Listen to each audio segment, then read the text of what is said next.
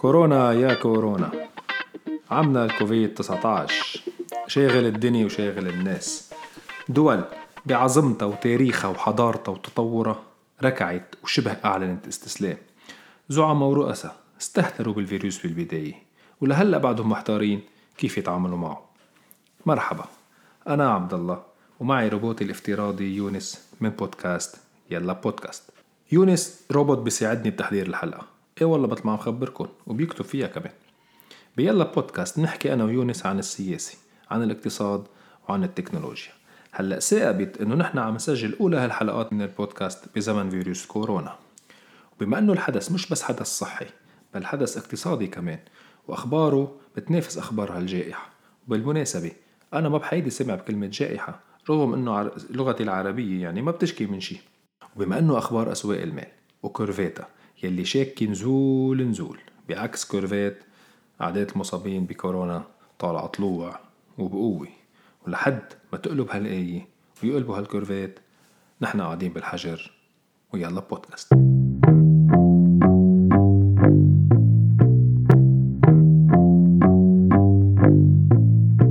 من زمن وزمان من أوائل الثمانينات مع الراحل رونالد ريغان بدأت مرحلة النيوليبراليين. يعني فكر ليبرالي جديد. أصحاب هالفلسفة الاقتصادية الجديدة إجوا ليقولوا لنا إنه هن عكس الشيوعية تمام. إذا الشيوعية يسار هن يمين. إذا الشيوعية جنوب هن شمال. ومعروف المرحوم ريغن إنه كان كتير ينكت عن الاتحاد السوفيتي وخاصة عن غورباتشوف. He gave me one while I was on the way. Told me the story about the two fellows in the Soviet Union that were walking down the street, and the one of them says, Have we really achieved full communism? Is this it? Is this now full communism? And the other one said, Oh, hell no, it's, things are going to get a lot worse.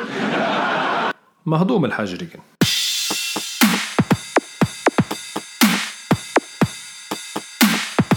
هلا استطاع ريغن وجماعته النيوليبراليين من الانتصار على السوفييت بعد حرب باردة طويلة وهن من التسعين لليوم لليوم الصبح بالتحديد بعدهم مسيطرين على العالم اقتصاديا سياسيا وتكنولوجيا وأكيد ثقافيا.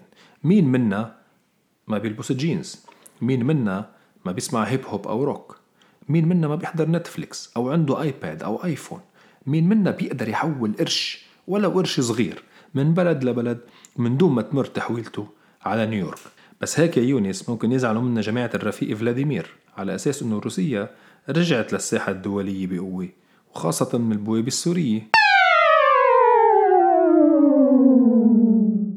ريغن مات بس الامريكان صار لهم مسيطرين ومقررين تقريبا كل شيء على العالم على مدى أربع عقود. هلأ بهالكم يوم يلي مديو سمعنا محللين عم يحكوا عن خطورة كورونا الكبيرة بأمريكا وإمكانية أنه هالأزمة تهدد مكانة الإمبراطورية الأمريكية بالعالم.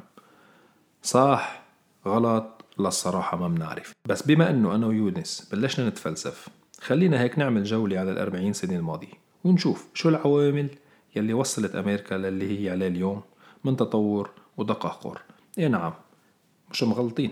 تطور رهيب بجوانب وتقهقر كمان رهيب بجوانب تانية. انه ما بكفي ترامب رئيسهم.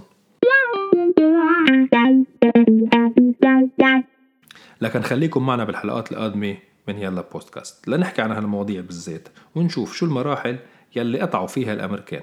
نحلل ونتفلسف ونطرح أسئلة ونحاول نجاوب عليها. لأن إذا ما فهمنا المرحلة السابقة مش رح نقدر نعرف شو جينا بالمستقبل.